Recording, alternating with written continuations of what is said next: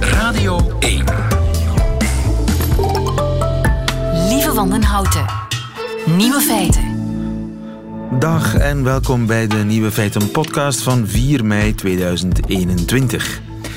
In het nieuws vandaag dat België een stukje groter is geworden. Sinds 1820 markeren verschillende stenen palen de grens tussen Frankrijk en België. Maar een paar van die palen bij het dorpje Erkelien in Henegouwen, die werden onlangs twee meter verschoven. De nadelen van Frankrijk. Weken gingen voorbij zonder dat iemand het doorhad. Tot enkele lokale historici toevallig de plek van de misdaad betraden. Met oude kaarten in de hand zagen ze dat de grens helemaal niet meer op haar originele plek lag. Dat betekende dat het verdrag van Kortrijk uit 1820, dat de grens tussen Frankrijk en de oude Nederlanden vastlegde, geschonden was. Maar door wie? Een Belgische boer blijkt nu. Die verplaatste de palen om met zijn tractor door een smalle doorgang te kunnen rijden. De burgemeester van Erkelin was weliswaar blij met de gronduitbreiding en trots op zijn boer, maar verzocht hem toch om de palen terug te zetten op hun oorspronkelijke plaats. Dus België is intussen alweer een beetje gekrompen. De andere nieuwe feiten vandaag. Emofiele mensen stappen vaak in foute relaties. Emofiele mensen. Wat zijn dat nou weer? Het dier dat de strafste uppercut ter wereld kan uitdelen, een soort garnaal overigens, geeft zijn geheime prijs. En nieuwe auto's die de maximumsnelheid overschrijden, zullen vanaf volgend jaar moeten piepen. De nieuwe feiten van Johan Terrein hoort u in zijn middagjournaal. Veel plezier. Radio 1.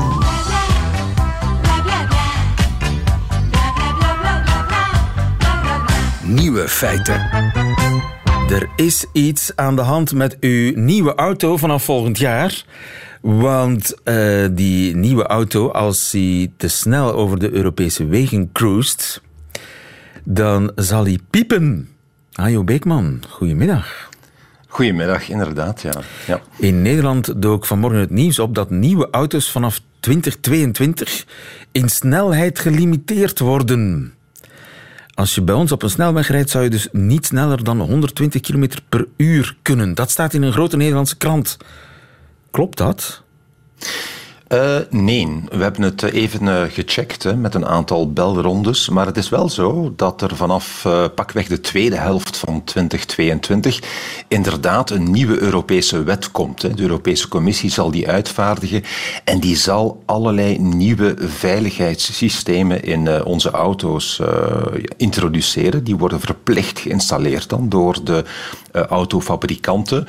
bijvoorbeeld inderdaad intelligente snelheidsadaptatie waardoor je weliswaar volgens het eerste voorstel van de Europese Commissie niet sneller zou kunnen rijden dan uh, volgens de limiet, maar daar komt de nuance natuurlijk.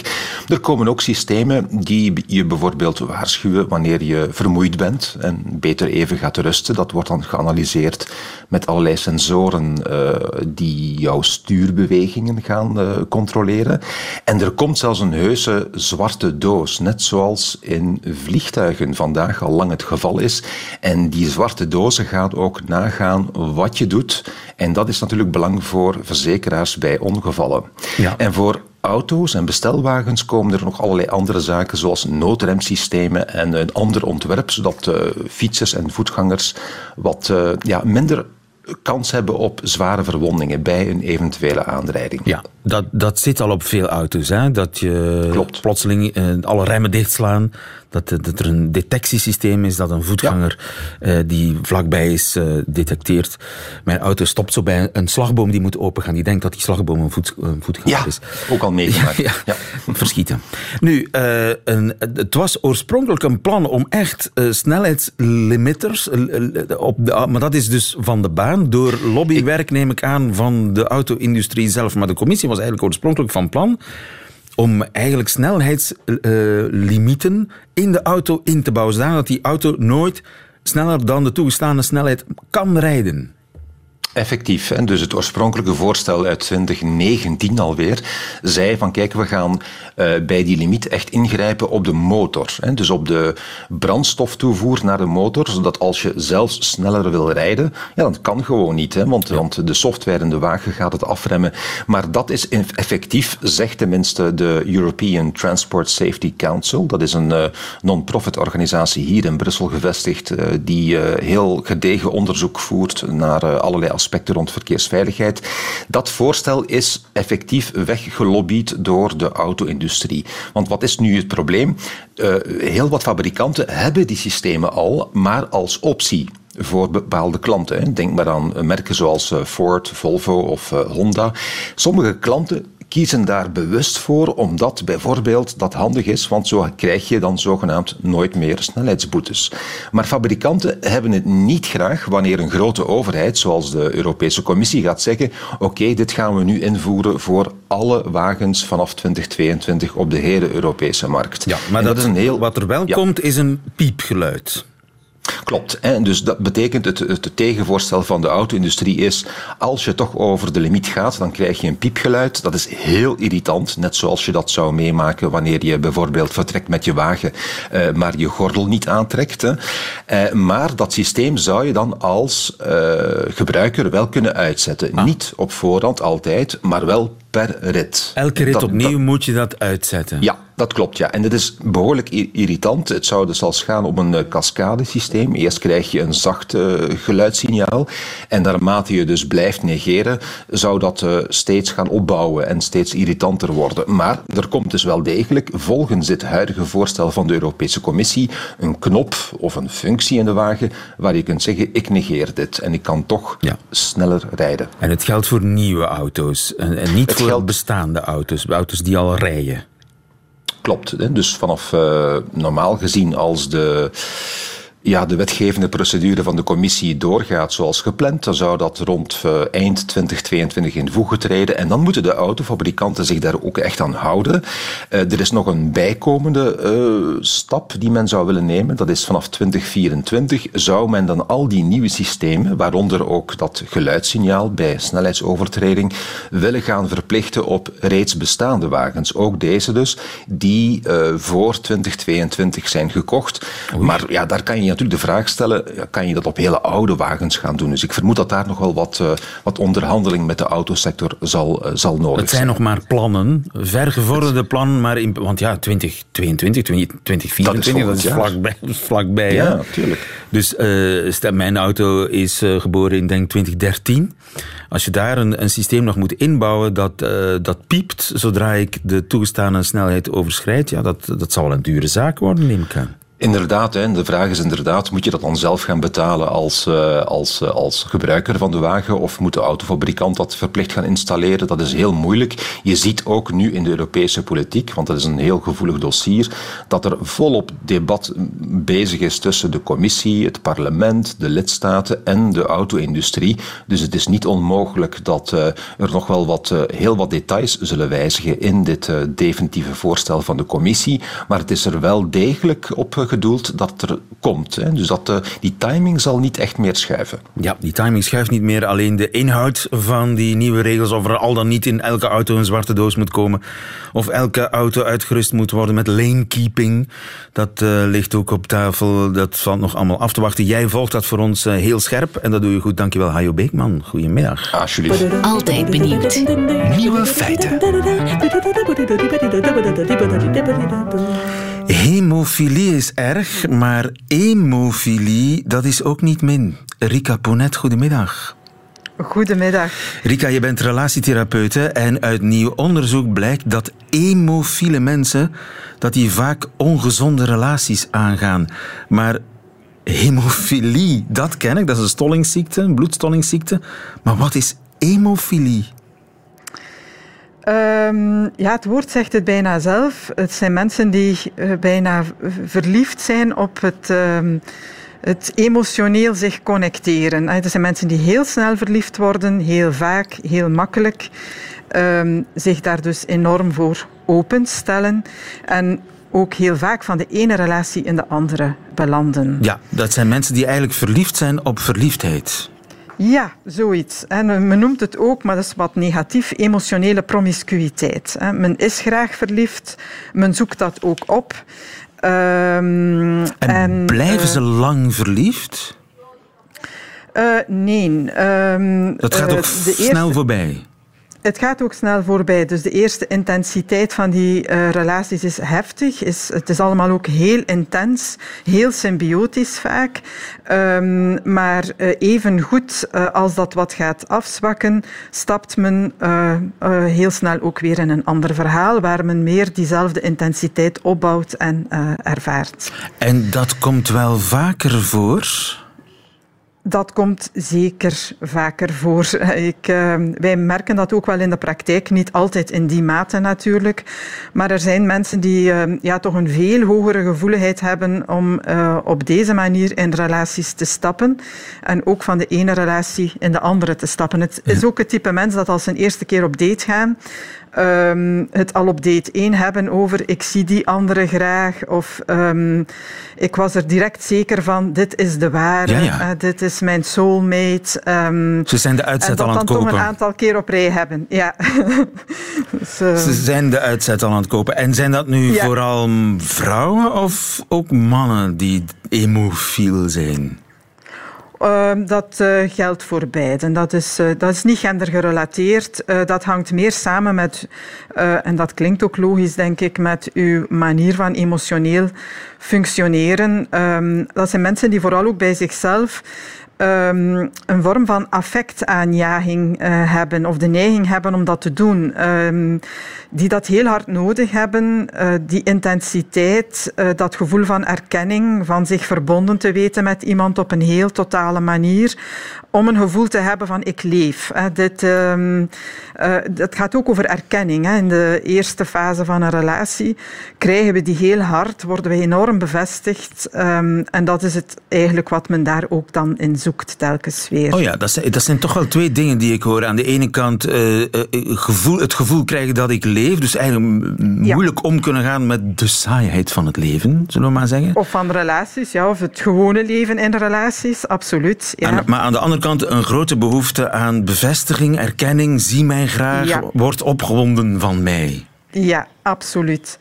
En dat maakt ook dat die zich um, ook vaker en makkelijker uh, in relaties verliezen die toxisch zijn, die niet zo gezond zijn, ook vaker en makkelijker, en dat blijkt ook nu uit onderzoek, vallen op mensen die nogal hoog scoren op um, wat we noemen donkere persoonlijkheidskenmerken. En dat gaat dan over mensen die wat narcistisch zijn, um, de machiavellisten onder ons, de manipulators, de machtswellustelingen, um, noem het een vorm van psychopathie.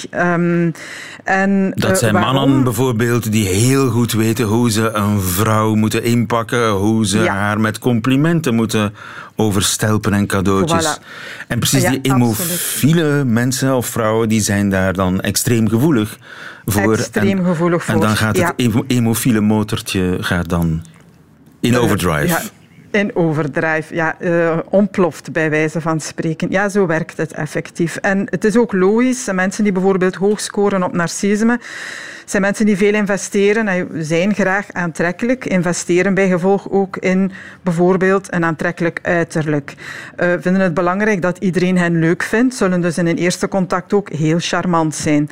Uh, effectief anderen bevestigen. Maar het gaat vaak niet zo heel diep. Hè. We, we zien dat um, net die mensen dan uh, effectief nadien belanden in relaties um, ja, waar er niet echt sprake is van verbinding, maar eerder ja, het uh, nogmaals opzoeken van die um, affecten, uh, van die, ja, van die Um, ja, eigenlijk gaat het altijd weer over het uh, opzoeken van kiks ook. Hè. We, uh, ja, we verbranden ons daar helemaal in. Uh, we branden onszelf ook helemaal op. En dan gaan we terug naar het volgende verhaal. Ja. Nu, kun je van een stoornis spreken? Want ik kan mij voorstellen, ja, als je wandelt van kik naar kik en je hebt daar eigenlijk weinig last van...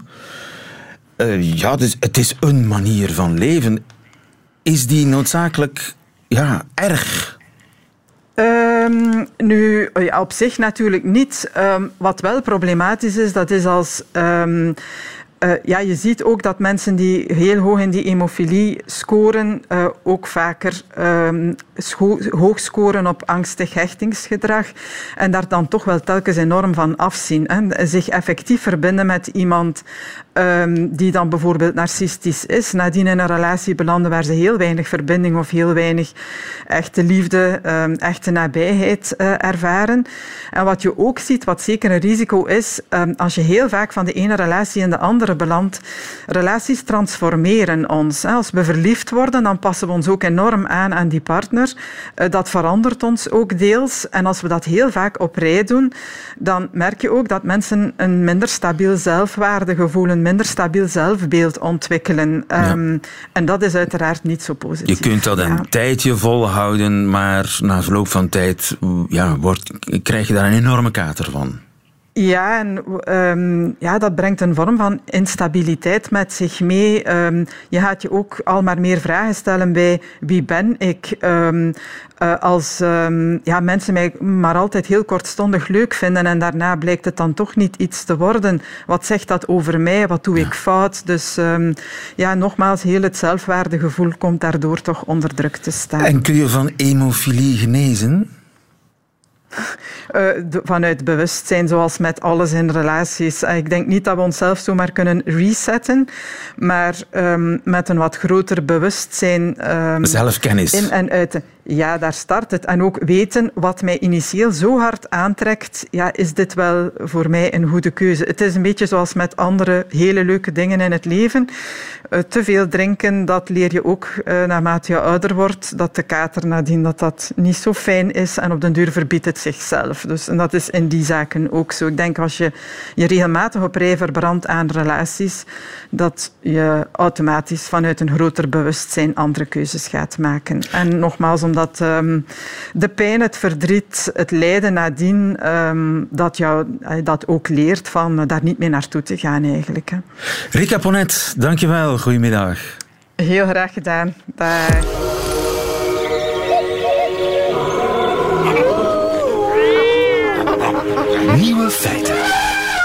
Quizvraag. Welk dier bokst beter dan Mohammed Ali? Dirk Drouwlands, goedemiddag. Goedemiddag, lieve. Dirk Drouwlands is niet het antwoord op de quizvraag, maar is onze huisbioloog. Maar Dirk Drouwlands weet misschien het antwoord op onze quizvraag. Welk dier bokst beter dan Mohammed Ali? Maar het is grappig dat je er zo mee begint met Mohammed Ali, want het eerste dier, het is het eerste exemplaar bij wie dat ze dat vastgesteld hebben, in 1998 hebben ze Tyson genoemd, naar Mike Tyson. en het gaat over de pauwbit-sprinkhaan-kreeft. De pauwbit-sprinkhaan-kreeft. Ja, dat is een bizar beestje dat geen kreeft is, geen bitsprinkhaan en ook geen pauw. Dat is iets apart in de, in de familie van de kreeftachtigen. Het ziet er eigenlijk uit als een grote, felgekleurde garnaal. Het is een garnaal. En, Zullen we voor het gemak zeggen dat het een garnaal is? Ja, het is een eigenlijk geen garnaal, maar een super, het is een soort supergarnaal. supergarnaal ja. En die supergarnaal, en, uh, dat is de wereldrecordhouder krachtigste map uit het dierenrijk. Ja. Ja, dat is onwaarschijnlijk. Het, uh, men heeft dat dus al een tijdje geleden ontdekt, dat die volwassen beesten echt onwaarschijnlijke mokkers aankunnen. Tegen 80, die slaan tegen 80 km per uur. Ja. Dus een grote snelheid en grote kracht tegelijkertijd. En als je dat zou vergelijken met Mike Tyson of met een hele snelle bokser, komt die ook... Die, ja, die, die, dat is minder. Die komt niet in de buurt. Het is, ja. Ze vergelijken het met een, met een kogel van het geweer van een, van een klein kaliber. Okay. Dus het is eerder dat, uh, dat uh, dus een impact van een kogel uit een, uit een, een, pistool met een klein kaliber. Het zou ja. eerder dat zijn. Dus veel snel. Het is het, het is het met grote voorsprong de snelste kracht veroorzaakt door een lidmaat in het dierenrijk. Dus veel hoger dan wat onze... Kracht veroorzaakt door een lidmaat in het dierenrijk. Want ja, die snelheid is 83 km per uur. Um, ja. ik, ik, lees hier dat de snelste bokser ooit komt met enige moeite aan 70 km per uur. Dus hij wint in ieder geval die garnaal. Nu, qua kracht hebben we daar enig idee. Natuurlijk, dan moeten we rekening houden met de gewichtsklasse. De gewichtsklasse van zo'n garnaaltje is natuurlijk... Uh, ja, ja, daar hebben we geen maar het is, naam voor. Maar... Het is effectief, Het is effectief uh, met grote voorsprong meer dan alles wat bijvoorbeeld wij aankunnen na heel grote training. Want wat men nu recent heeft aangetoond in een nieuwe paper die verschenen is in de Journal of Experimental Biology, is dat die baby pauw bitspringhaan kreeftjes dat ook al kunnen. Dus beestjes van amper 3 à 5 millimeter groot, die hebben hetzelfde systeem al van kracht. Die kunnen dat wel een klein beetje oefenen, maar in principe zit dat daar al in. En ah. omdat die, die beestjes, die, die, die, die om de zoveel tijd, maar die hebben in het begin nog een doorschijnend panzer, hebben ze dat kunnen zien, hoe dat, dat precies werkt door dat panster. Omdat bij die volwassen beesten zit dat mechanisme verborgen achter een ondoorzichtbare uh, structuur. Maar bij die kleinetjes kunnen, kunnen ze dat zien. En ze hebben nu een systeem bedacht waarmee dat ze zo die kleine uh, baby kreeftjes kunnen vastplakken, zodat die niet bewegen, tenzij alleen hun, uh, hun twee vo voorste poten, dus eigenlijk het tweede paar voorpoten waar dat ze dat mee doen. Dat, dat, dat gelijkt zo'n beetje, ze plooien die onder hun borstdoek, dus dat gelijkt eigenlijk een beetje op een, de houding van een bitspringhaan. Vandaar hun naam. Ja. En die kleine mannen die kunnen dat al. En dat is eigenlijk een, een soort pijl- en boogsysteem. Dus ze spannen op een bepaalde manier die spieren in die voorpoten op. Ze trekken die naar achter, haken die er ergens vast, houden dat dan even vast en dan lossen ze dat. En zo krijgen ze die enorme krachtontwikkeling keer op keer. Dus zonder dat men dat eigenlijk, like de Tysons van, van onze wereld, echt moet repeteren en trainen en opbouwen. En ze zijn er echt op gebouwd. Ja, en dan bij die kleine mannen hebben ze dat dus ook kunnen zien. Dat is een, omdat ze die, uh, ze ambeteerden die dus. Hè. Dus ze, ze, staken die met een tandenstoker en dan sloegen die terug. Maar men denkt dat, het, dat, dat de slag die ze gebruiken om de prooi aan te vallen nog zwaarder is. Dus, uh, dus uh, dat ze eigenlijk nog meer aan kunnen dan hetgeen dat men vandaag de dag gemeten heeft. En dat opspannen zou nodig zijn omdat het anders niet werkt door de viscositeit van het water. Dat ze te veel vertraging hebben door het, door het kleverige karakter van water, zeker van die kleinere beestjes. Dus ze moeten eigenlijk die, uh, die, uh, die veerkracht eigenlijk gebruiken om die kracht te kunnen genereren. Ja, dus zij genereren een uppercut dat, uh, zo, zo, zo krachtig dat mochten zij evenveel wegen als Mike Tyson, dat Mike Tyson appelmoes wordt binnen de seconde. En nu is uit nieuw onderzoek gebleken dat, dat ze dat al in de dop kunnen als baby. En, en omdat ze als baby doorzichtig zijn, is dat mechaniekje heel mooi kunnen uh, in kaart gebracht worden. Nu, waarom moet een, een baby garnaal uppercuts kunnen uitdelen? Ah, dat is om te kunnen eten, hè, lieve het. Dus, eh, dus, die slaan dus echt hun prooi uh, lam, bij wijze van spreken, en eten ze dan op. De grote doen dat ook. Dus het, uh, er zijn twee types trouwens. Je hebt, je hebt een vierhonderdtal soorten van die kreeften en je hebt er eigenlijk twee soorten slingen. Het zijn eigenlijk slingeraars. En de ene heeft op de top van die twee voorpoten, zal ik dat maar zeggen, een soort gekartelde speer, die ze echt in het lijf van bijvoorbeeld een passerende vis slingeren, waardoor dat ze dat beest naar zich toe kunnen trekken en op kunnen eten. En een ander type zijn dan de hamerslingeraars, noem ik dat. Die, die slingeren echt zoals onze hamerslingeraars een soort knotsen weg. En dat, daar kunnen ze zelfs de scharen van veel grotere krabben mee afslaan. In, in, als je die dieren in een aquarium houdt, in gewoon een simpele aquaria zonder versterkt glas, die slaan echt barsten in dat glas. Het is onwaarschijnlijk om te zien wat dat die aankunnen met die, uh, met die, met die voorste poten. Ja, ja het, is, het is onwaarschijnlijk. En het wordt dus zowel gebruikt, het wordt eigenlijk vooral gebruikt om te eten, hè, om prooien te vergaren, maar ze gebruiken het ook in een soort rituele gevechten. De mannen onder elkaar die gaan uitmaken hè, wie dat een beste is. Maar het zijn vooral rituele gevechten, want als ze echt raak zouden slaan, uh, slaagde een andere natuurlijk compleet murw. En dus, uh, dus ze proberen te vermijden dat ze echt moeten doorslaan. En waarschijnlijk daarom en zijn die beestjes ook uh, heel sterk monogaam. Dus ze kiezen één partner en blijven dan de rest van hun dagen daarbij. Om ja. te vermijden dat ze keer op keer in conflicten moeten gaan ja. met de Mike Tysons uit hun wereld. Dus het, en dus zij moeten door het panzer heen van hun prooien, mosselen, oesters, ja, die moeten daardoor kunnen klappen, kunnen... Ja. Ja, dat zijn dus de hameraars. Hè. Die slagen echt door die, door die, die schelpen eigenlijk van die grote van mossels en krabben.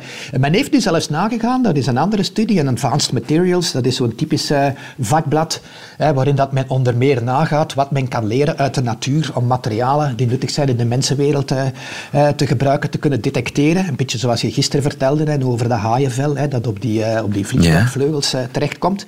Men heeft nu nagegaan hoe dat, dat komt, dat die, die voorpoten van die beesten zelf niet breken onder die zware slagen.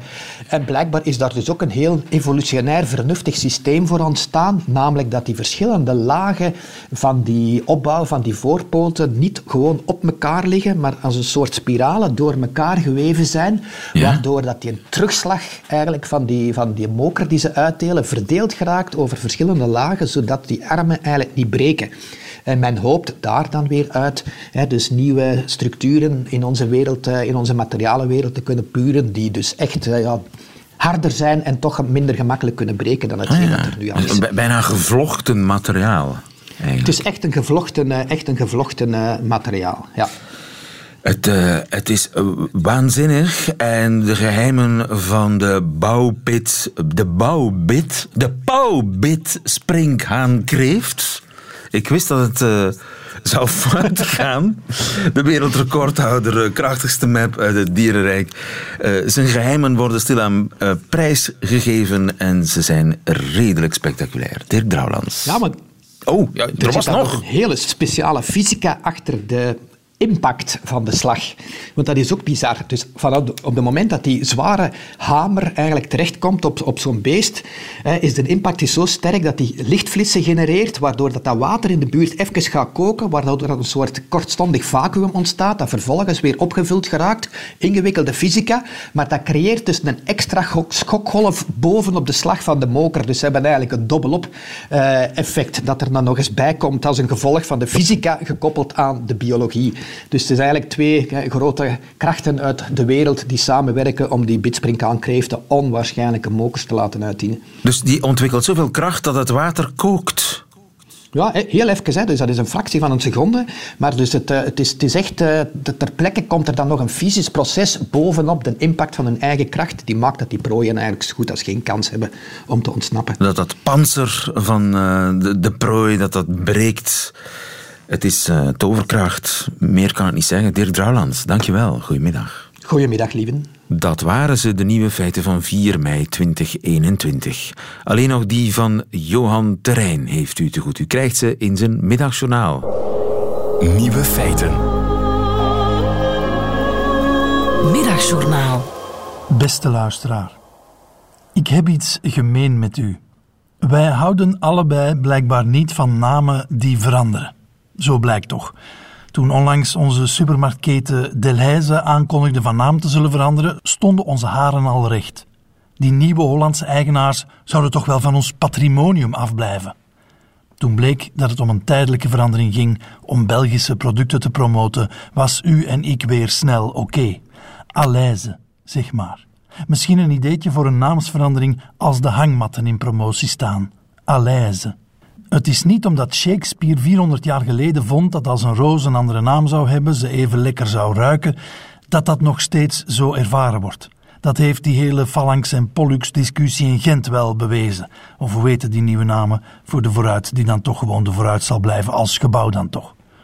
U en ik, wij lopen tegenwoordig rond met de overgevoeligheid van een rijpe zweer. Zeker als het over de naam gaat van dingen waaraan we gehecht zijn. Pak een naam af en je pakt identiteit weg. Dat is natuurlijk anders met dingen waar we nog geen band mee hebben opgebouwd. Ik herinner mij dat ik mijn bomma Zaliger een fruitman bracht in het ziekenhuis en dat daar een kiwi in lag. Ze had dat harig ding nog nooit in haar leven gezien, terwijl de introductie van de kiwi zich bij ons thuis toch al minstens vijf jaar eerder had voltrokken. Toen mijn bomma de naam hoorde van dit nieuw geïmporteerde fruit, trok ze helemaal haar neus op. Had het haarbes geheten of baardbei, dan had het misschien nog gelukt. Maar het fruitje is eenzaam blijven rotten in het mandje. Mijn bomma heeft nooit een kiwi gegeten, gewoon omdat het in haar oren niet fruitig klonk.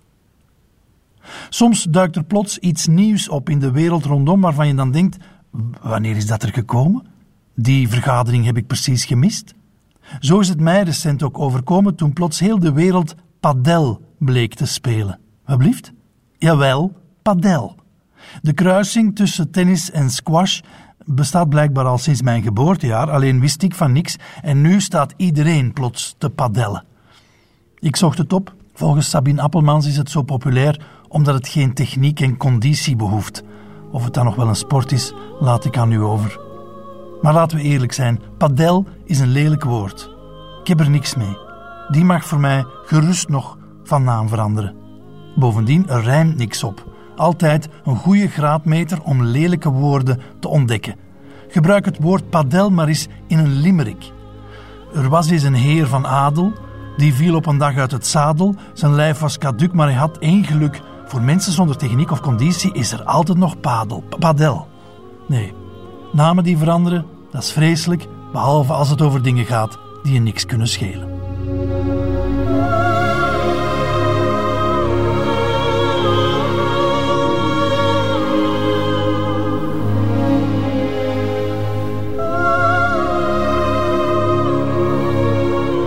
Het middagjournaal met Johan Terrein. Einde van deze podcast. Hoort u liever de volledige nieuwe feiten met de muziek erbij? Dat kan natuurlijk ook via de website van Radio 1 of via de Radio 1 app. Op die manier vindt u overigens nog veel meer spannende Radio 1 podcasts. Tot een volgende keer.